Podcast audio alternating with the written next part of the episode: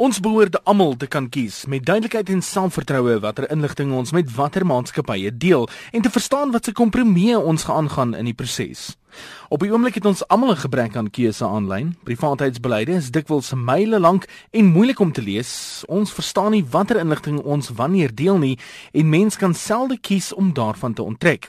91% van volwassenes stem saam dat gebruikers beheer verloor het oor hoe persoonlike inligting versamel en gebruik word deur maatskappye.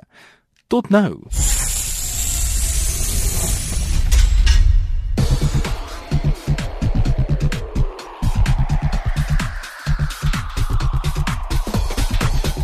Groot deel van ons wêreld bestaan uit verifisering. Identifiseer dat dit wel jy is en daarvoor maak baie maatskappye deesdae gebruik van digitale kluise wat jou inligting bevat. Dit word gewoonlik eerste of tweede faktor verifisering genoem. Daar is wel skuiwergate wat booswigte kan gebruik om jou data in die hande te kry.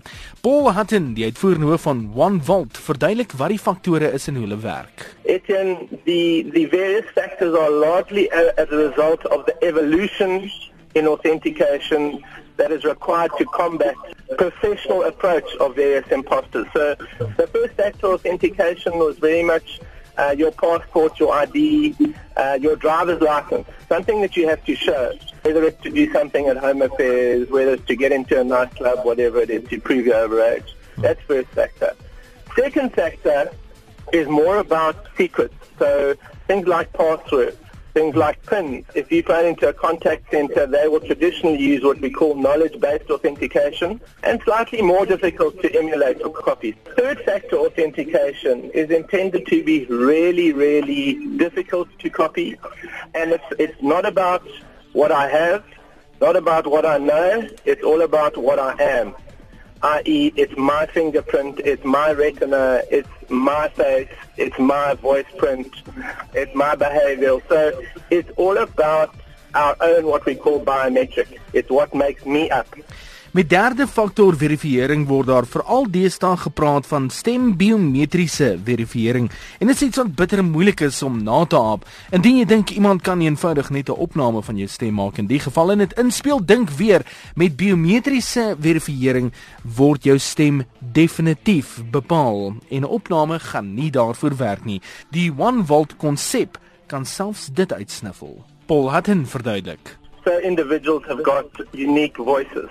And this technology has been around for a long time, certainly in the military. And what it really does is it confirms an individual's identity when they're phoning. So it listens to the individual's voice and it confirms that it is actually that person. You're probably thinking, well, Paul, can somebody make a recording and try and get through the system? But it has its own built-in mechanisms to prohibit imposters. Mm-hmm. Uh, what they call liveness detection and replay attack resistance. So people can't try and get into the system. Stembiometriese verifisering is ook baie meer akkuraat waar mense in die tweede faktor verifisering 'n suksespersentasie het van so om en by 65% al is jy self die persoon is daar so 'n 95% suksespersentasie as dit by stembiometriese verifisering kom. Wat in verduidelik. It's taking a lot less time and in the same breath uh, it's more accurate. So, so people aren't fail, failing their authentication. What we're seeing around 35% uh, of people fail traditionally with voice biometrics. It's somewhere between 5 and 10, unless obviously if you're an imposter. So that is that as well as the, uh, for the corporate. You know, where the corporate now doesn't have to have a whole lot of contact centers, folks focusing on mundane tasks. Uh, contact center agents can actually deal with more complicated things and they can actually automate things like password reset, SIM swap, statement request, etc. Paul Hutton, die uitvoerende hoof van OneVault en jou aanlyn besonderhede en verifiseringsproses het op hierdie stadium net 'n bietjie meer veiliger geword vir jou.